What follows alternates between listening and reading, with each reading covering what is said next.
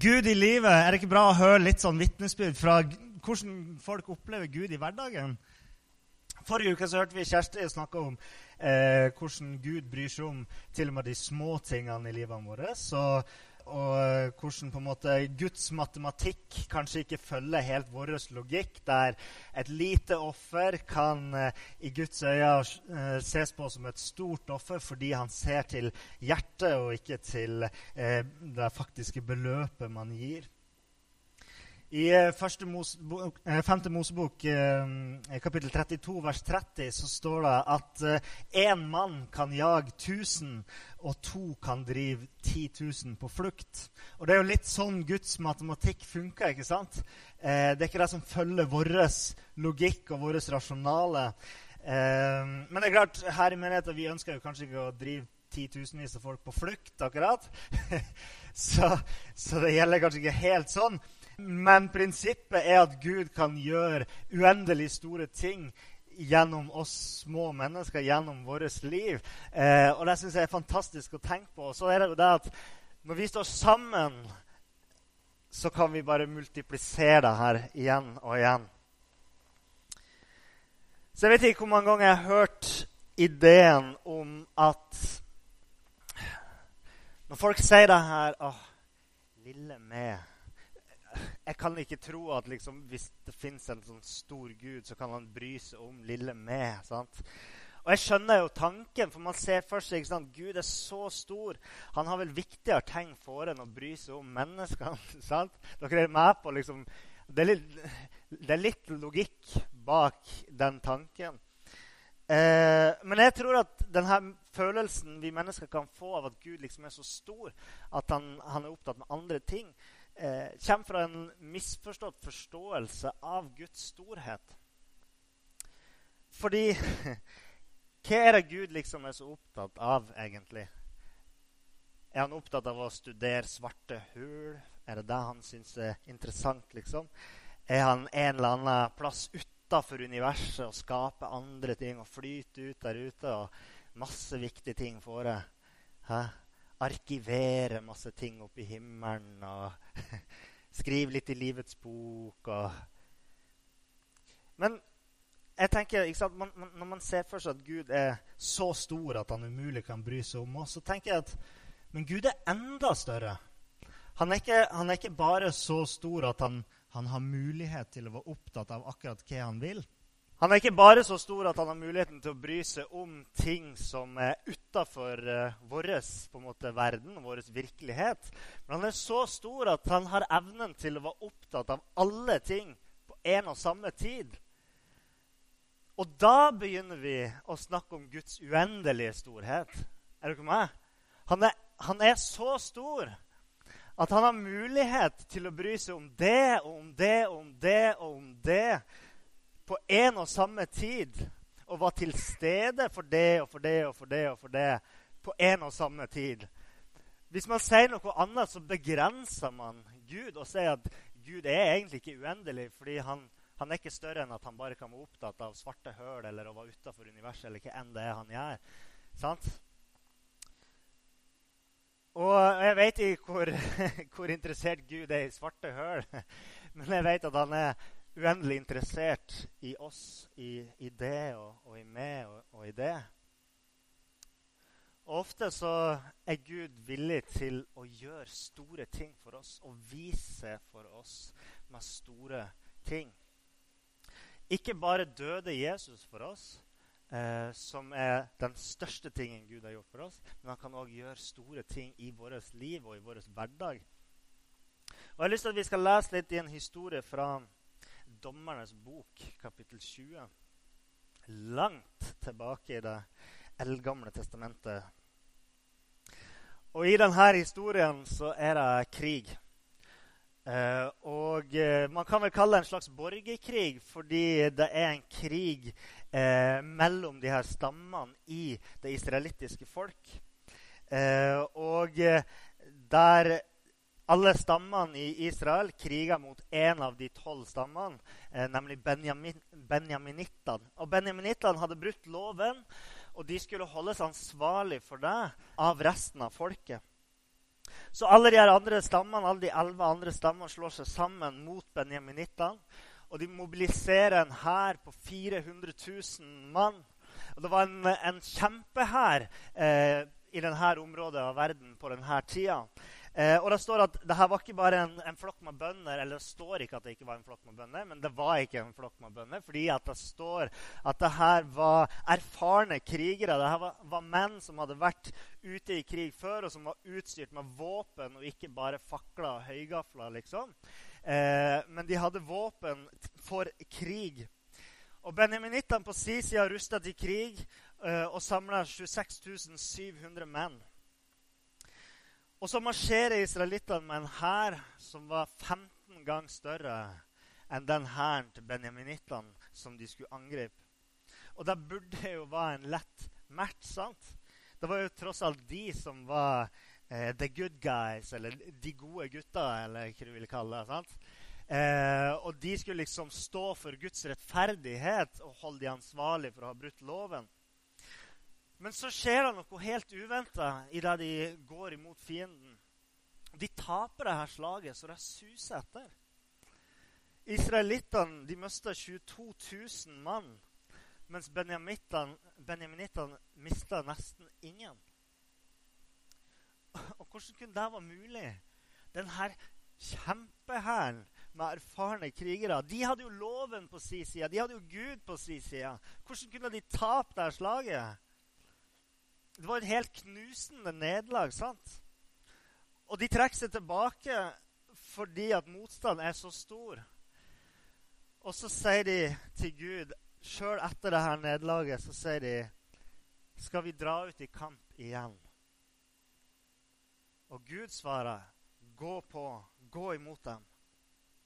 Så de omgrupperer og gjør seg klar til kamp dagen etterpå. Og for andre gang så rykka òg fienden ut imot dem. Og da skjer det igjen. Israelittene taper og måtte flykte etter å ha mista ytterligere 18 000 mann. Så vi snakker nå har de mista 40 000 av sine 400 000. Og moralen er mildt sagt lav iblant israelittene. Hvordan skal man forstå hvordan det er mulig? Kanskje hadde de hørt feil. Kanskje hadde Gud sagt at de ikke skulle gå mot fienden. Kanskje sa Gud at de skulle gå hjem. Og Da står det at de gråt, de her krigerne. Og de fasta hele dagen, og de ofra til Gud. Og først når kvelden kom, så hadde de manna seg opp til å spørre Gud igjen. Og, og de sier til han, skal vi enda en gang dra ut i kamp mot våre brødre benjamittene. Og så legger de til Eller skal vi la være? Så de slenger altså på. Sist så spurte de bare OK, skal vi prøve igjen, Gud? Men nå spør de òg er, er, du helt sikker på at vi skal gå, Gud? Nå, nå spør vi skal vi gå, eller skal vi gå hjem. To, vi har to alternativ her. Vi, vi kan òg gå hjem hvis det er der du vil. Eh, og Gud svarer dem, nei, dra ut, for i morgen skal jeg gi dem i deres hender. Ja, hvis du er helt sikker på det nå, Gud Hvis du er helt sikker, skal vi gjøre det. OK, vi, vi prøver. Og de, de, går ut, og de kjemper en, en, lang og hard kamp. Og så vant de israelittene endelig en overlegen seier over eh, benjaminittene. Og benjaminittene mista omkring 25 000 mann. Mens og nå er ikke dette en historie om at én mann vant over 1000, sånn som i fortelling om Samson, f.eks. Eh, men det er en historie som kanskje på sett og vis reflekterer hvordan livet vårt ofte er. At vi eh, Noen ganger så møter vi skikkelig motgang Sjøl om at alle ting lå til rette for at, at det skulle gå bra.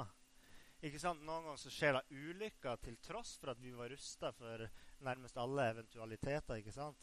Når du er ute og kjører i trafikken, så har du ikke kontroll på, på de andre trafikantene uansett hvor bra du kjører, og hvor mange kjøretimer du har tatt. liksom. Og vi får jo ingen svar på hvor, hvorfor de her israelittene tapte de to første gangene. Men det så jo ut som de hadde alle muligheter for å klare det. De kunne bare kjøre over benjaminittene siden de hadde så mange tropper i forhold til fienden. Men likevel så tapte de to ganger. Og fedre mista sønner, og sønner mista fedre, og brødre mista brødre. Så det, det hadde vært veldig kjekt hvis Bibelen bare ga oss et svar på på hvorfor det her skjedde sånn som det skjedde. Det gjør den ikke, men jeg tror likevel vi kan lære noe av denne historien. For det første så tror jeg vi kan lære at Gud vil at vi skal kjempe til og med de kampene som han vet at vi kommer til å tape. En av de tingene jeg elsker med denne historien og med historiene vi finner i Bibelen, er at de er så ekte, og de viser hele bildet.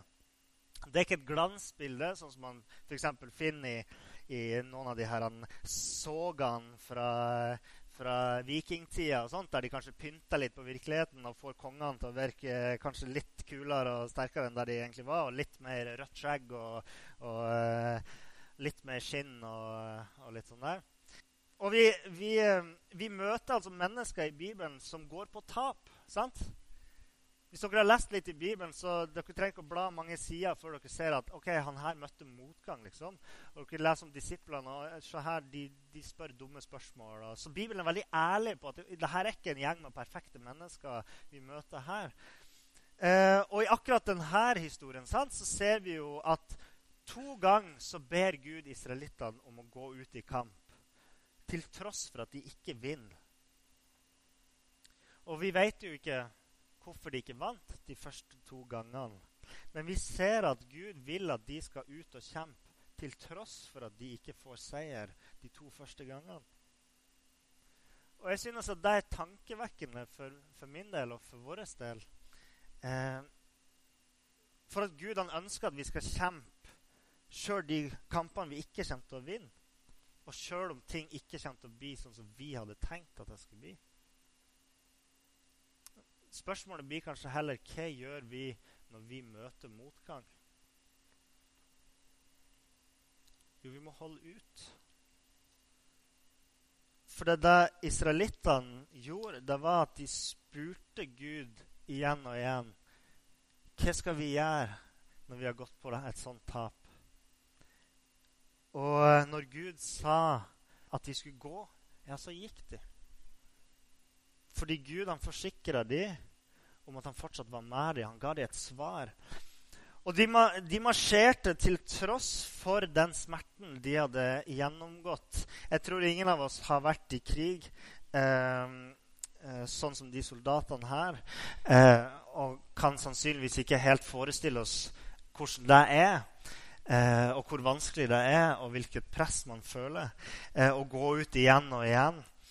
Eh, men de gjorde det. De lytta til Gud, og de holdt det virkelig ut.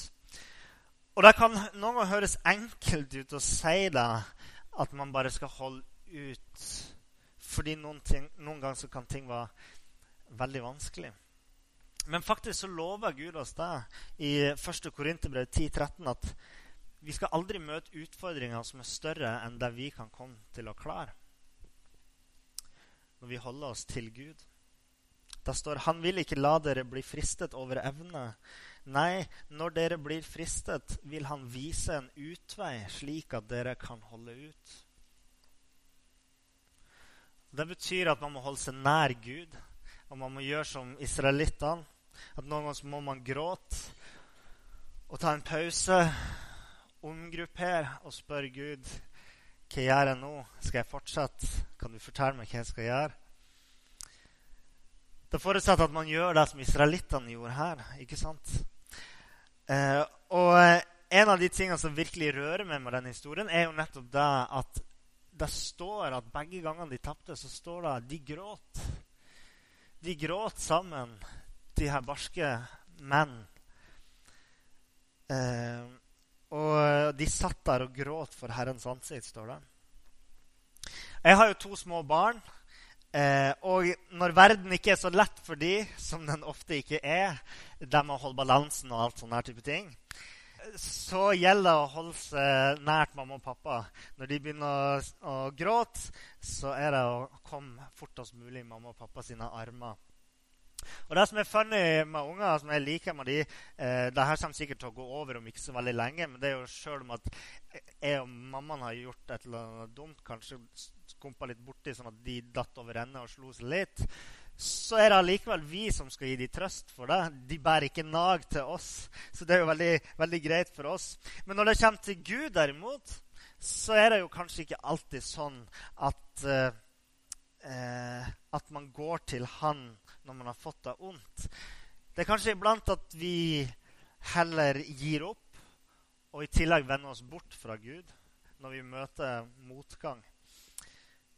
Men akkurat sånn så at ungene mine faktisk trenger meg og mammaen når de har det vondt, så trenger vi Gud når vi har det vondt.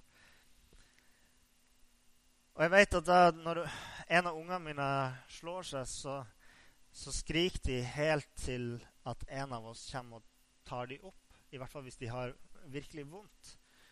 Og det er nesten som at de holder på smerten ikke sant? helt til at en av oss kommer og hjelper dem. Og... Øh, Uh, og jeg tenker for vår del òg så tror jeg smerten kan vare enda lenger hvis man velger å bære nag og, uh, og gå og bære på sinne og hat imot Gud i stedet for å venne seg til han og snakke med han. Det er når vi kommer, kommer til Gud og setter oss ned og, og, og skriker noen tårer, at vi kan legge oss av ting hos han og motta oppmuntrende ord og, og komme oss på føttene igjen, som gir oss mot til å fortsette. Og når vi fortsetter, så må vi òg være tålmodige. Hvis israelittene hadde vendt seg bort fra Gud så, og gått gråtende hjem, så ville jo situasjonen aldri endra seg. Og de hadde aldri fått utøvd rettferdighet over benjaminittene som hadde brutt loven. I stedet for så ser vi at eh, de viser en voldsom tålmodighet. For som jeg sa, krig er tøffe greier. liksom. Det er ikke for alle. Og likevel så, så har de mot til å, til å fortsette. Og, og, de viser tålmodighet, for de tør å spørre Gud skal vi fortsatt gå ut i kamp. Og De tørka tårene, og de reiste seg opp igjen, og de stola på Gud. Og sjøl etter de to forferdelige, forferdelige nederlagene. Og jeg tenker for vår del Eh, vi skal ikke ut i krig, forhåpentligvis. Men det er samtidig at vi lever i ei tid der jeg mistenker Kanskje dere eldste har en del av den tålmodigheten som folk hadde før. Men i hvert fall for min generasjon, som har vokst opp med at alt går så fort, så har vi kanskje fått en litt sånn svekka tålmodighet. Jeg sier ikke at det gjelder for alle, men, eh, men for en, en, del folk så, så kan det være sånn det er jo sånn at når vi eh, Eller jeg har blitt vant med det helt siden jeg var liten, når internettet ble oppfunnet. Jeg har vokst opp med det. ikke sant? At når jeg lurer på en ting, så slår jeg opp på Internett, og så finner jeg svaret på det jeg lurte på noen ganger når vi var på hytta før, når jeg var litt yngre og vi ikke hadde Internett der, så kunne diskusjoner dra ut i det evinnelige. Og der synes jeg det noen ganger var kjempegøy. Og man utvikla seg som person òg når man får muligheten til å snakke om ting. ikke sant? Men nå er vi så utålmodige. Nå spør vi liksom Hvem var det som var skuespilleren i den filmen der? Jo, det var han. Nei, det var han. OK. Nei, det var han. Ferdig. Ferdig med det. Da trenger vi ikke å snakke på noen timer. Nå har vi funnet svaret, liksom. Så, og, og Sånt blir man jo litt utålmodig av. rett og slett. Man forventer å få ting ganske kjapt. Eh, det er kanskje ikke eh, så ille som, eh, eh som man noen gang tenker at sant, eh, ting gikk liksom kjempe, kjempesakte før. Det gjorde det jo så klart ikke. Eh, men jeg vet en historie om min oldefar. da. når han skulle fri til oldemor, måtte jo ha en ring. ikke sant? Og da måtte han reise mange mil eh, inn til byen for å kjøpe ring til henne. Og det var jo ingen vei ut til gården der de bodde. Eh, av en eller annen grunn så hadde han likevel sykkel. vet ikke hva han brukte den til. Mens han tok sykkelen på ryggen, gikk over et fjell, fant en vei, sykla seks mil inn til byen, kjøpte en ring, sykla tilbake, tok sykkelen på ryggen og bar den over fjellet og kom hjem og fridde til oldemor. Det gikk jo ikke i ei rasende fart. Ting ble jo gjort så klart. Ellers hadde, hadde ikke vi vært her. Men, eh, men, vi har kanskje litt dårligere tålmodighet i dag. Eh, men noen ganger så tror jeg at vi kun kan vinne slagene ved å være tålmodige. Eh, og kanskje er det sånn noen ganger at det er på det punktet når motstanden er størst, at vi kanskje er nærmest å få et gjennombrudd. Og på den måten så kan Gud gjøre store ting i livet vårt hvis man viser mot og holder ut og er tålmodig. Så denne historien jeg synes at Selv om det handler om krig, og alle de tingene, så reflekterer den på en måte livene våre kanskje litt på en bedre måte. Fordi at ofte så har vi jo gjerne eh, det vi trenger for å eh, møte utfordringene vi, vi møter. Altså, men man har en utdannelse til jobben sin, eller, eller sånne ting, og da er man rusta til å møte utfordringer. Men noen ganger kommer det likevel utfordringer i jobben som man ikke helt uh, greier med. Eh, men det er ikke alltid sånn at, uh, at man trenger å møte sånn voldsom motstand for at Gud skal gjøre store ting. Vi finner for i Bibelen mange eksempler på at Gud gjør store under. Han gjør mirakel for folk. Eh, og Eh, og noen ganger så tenker vi kanskje Men er Gud egentlig i stand til å gjøre sånne ting for oss i dag? Eh, og da um, hørte vi f.eks. For forrige uke at Kjersti fortalte en historie om hvordan Gud hadde helbreda synet hennes. Eh, hun var jo ikke blind, det var jo ikke det, hun var litt svaksynt, men hun opplevde å, å, å slippe å bruke briller. Eh, så det var jo en form for under som hun fikk lov til å oppleve. Men kanskje ei, ei enda større fortelling jeg har lyst til å, å fortelle nå, er historien om en, en amerikansk eh, mann som heter Desmond Doss. Eh, han eh, var eh, oppvokst i et kristent hjem. Eh, han eh, Ja, han var en syvendedagsadventist, som det heter. og levde jo veldig strengt etter de ti bud. og han fulgte Bibelen, og, og, han hadde en levende tro på Gud og hadde eh, et aktivt bønneliv. Eh, og Desmond Das han ble senere eh, den en, nei, første ikke-stridende militære soldat som har vunnet den, eh, eller mottatt den høyeste eh, utmerkelsen i det amerikanske militæret. Og jeg har lyst til å fortelle den historien. Så han vokste opp eh, på begynnelsen av 1900-tallet og, eh, og, meldte seg inn i Hæren i 1942. Eh, til tross for på en måte sine foreldres oppmodning om å ikke gjøre det. Hans far hadde sjøl tjent i første verdenskrig og var strengt imot at hans sønner skulle gå inn i Hæren. Og eh, Pga. Eh, Desmonds eh, religiøse overbevisning så sa han til hæren når han meldte seg inn, at eh, jeg kan ikke drepe noen folk, jeg kan ikke ta et våpen. Jeg kan heller ikke bryte, bryte helligdagen ved å utføre rutinemessig arbeid på helligdagen. Eh, men jeg har lyst til å tjene militæret. Og han kom inn allikevel.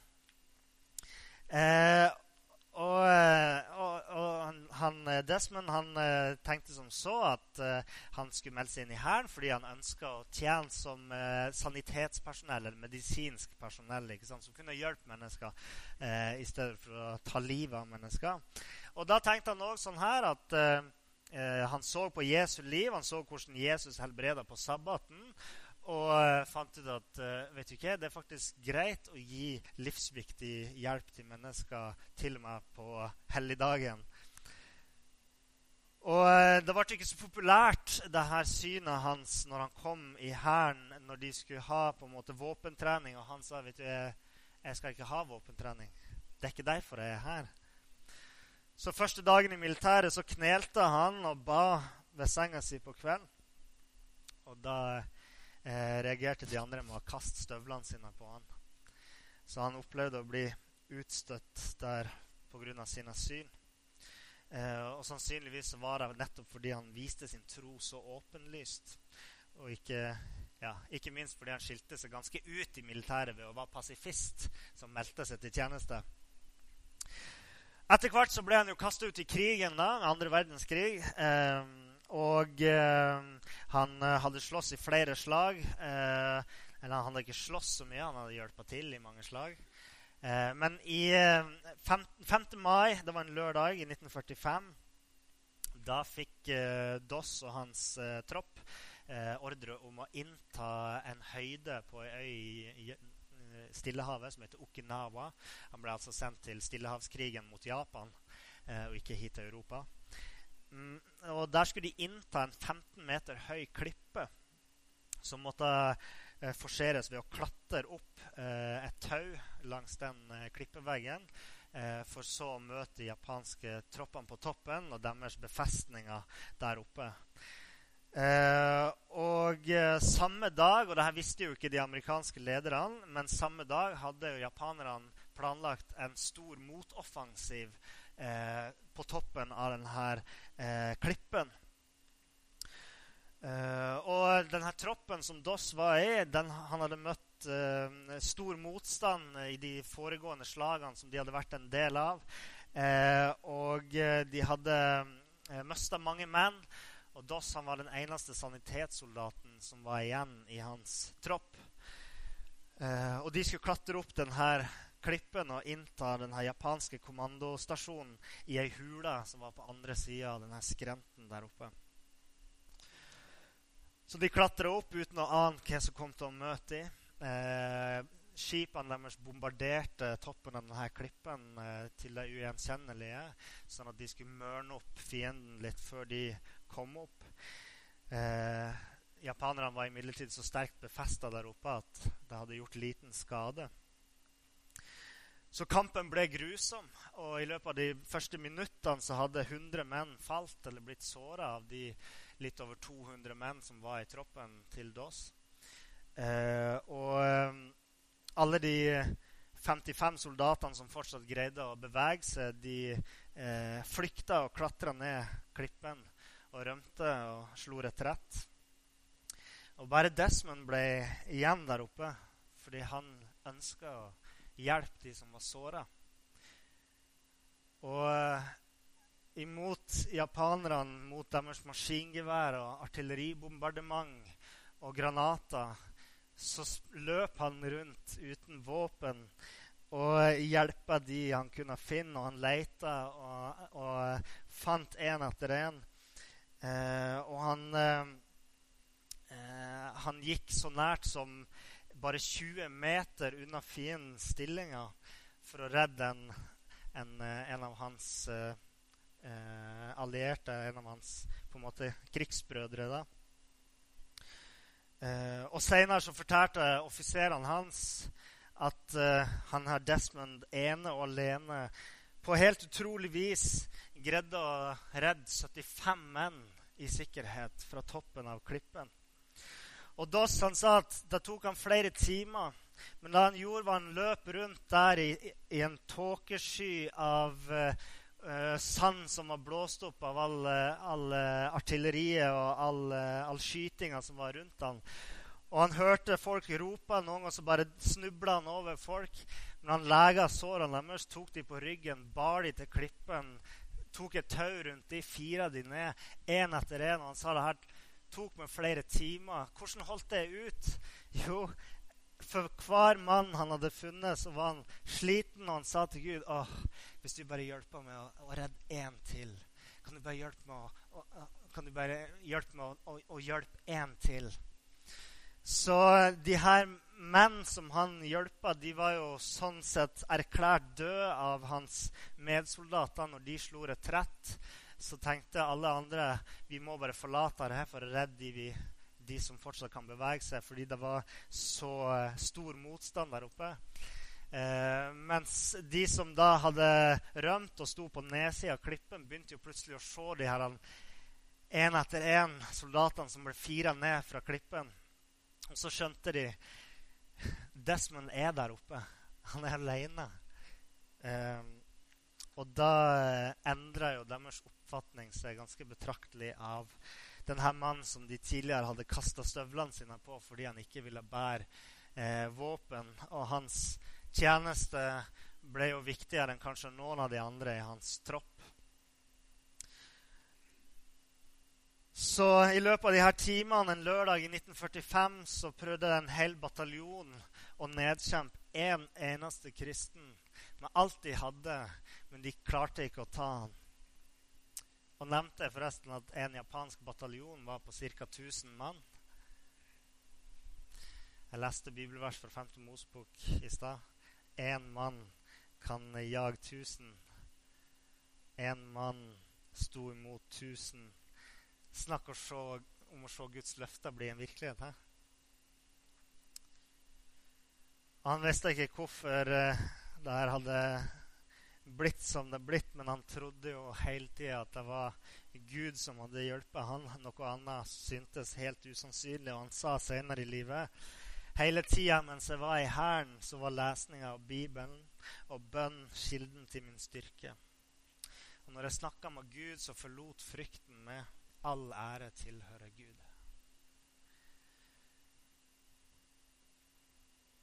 Og Det viser bare hvordan Gud faktisk kan gjøre helt utrolig store ting i vårt liv. Eh, det trenger, ikke, det trenger ikke nødvendigvis bare å være hverdagslige ting som skjer, men det kan være underfulle ting, som i historien til Desmond. Jeg tror òg at store ting kan skje med oss eh, når som helst. Eh, og jeg tror ikke det kommer an på hvor hardt vi tror. Eh, noen sier jo, ikke sant eh, Hvis du ikke tror nok, så vil du aldri se et under. Men jeg tror aldri vi kan tro oss til, eh, til å bli redda. Jeg tror ikke vi kan tro oss hardt nok til å bli frelst. Det er Jesus som har frelst oss, det er Jesus som har lega oss. Eh, og vi tror med det lille vi har, og så kommer han til unnsetning. I løpet av uka så har jeg kjent på at uh, det kom til å være noen her i dag som, som, kanskje følte at de trengte å se at noe stort skjedde i livet deres. Uh, jeg vet ikke hvem det skulle være. Uh, jeg har ikke fått noe svar på det. Men jeg har kjent veldig sterkt på at, at, det er noen her som kanskje har et eller annet som de bare Om de er langt unna Gud, eller om det er snakk om å bli helbreda, eller et eller annet sånt, Eh, og det har bare dukka opp i, i, hodet mitt liksom, eh, nesten hver dag denne uka. At jeg har liksom følt at, at, noen kom til å komme hit i dag. Eh, så jeg vet ikke om du er her som føler litt, litt sterkt på det, at du blir truffet av Guds nærvær her og nå. Eh, eh, men da skal, da skal, du bare vite at eh, Gud han ser det, og han vet hvordan du har det. han bryr seg, han er til stede. Og jeg vet ikke hva Gud har tenkt å gjøre for det nå eh, eller i den kommende tida, eh, men han kommer til å være sammen med det. Eh, han kommer til å være nær det.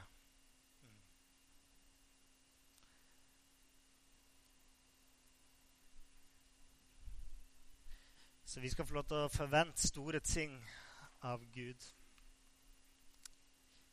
Herre, vi takker deg for um, for den du er, for din storhet, som er så uendelig at vi ikke kan forstå det med vår egen logikk.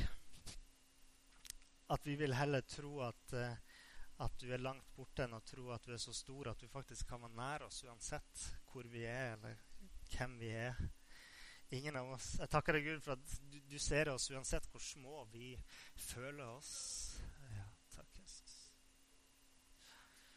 Og far, eh, jeg takker deg for de ordene som du har gitt til oss i dag, Herre. Det er sterke vitnesbyrd om denne soldaten som virkelig fikk eh, oppleve ditt nærvær. Ikke ved å ta liv, men å få lov til å være til stede i verden bare for å hjelpe, bare for å være god og bare for å lege andre. Og Far, jeg ber om at du kan vise din storhet i vårt liv, Herre. At vi kan få lov til å uh, tro og håpe og, og leve i, i, tålmodighet. Og når vi venter på at vi skal få gjennombrudd i livet vårt, vi skal få se at vi får lov til å oppleve at du er med uh, i alt vi gjør, og at vi òg kan få se at du gjør store ting for oss.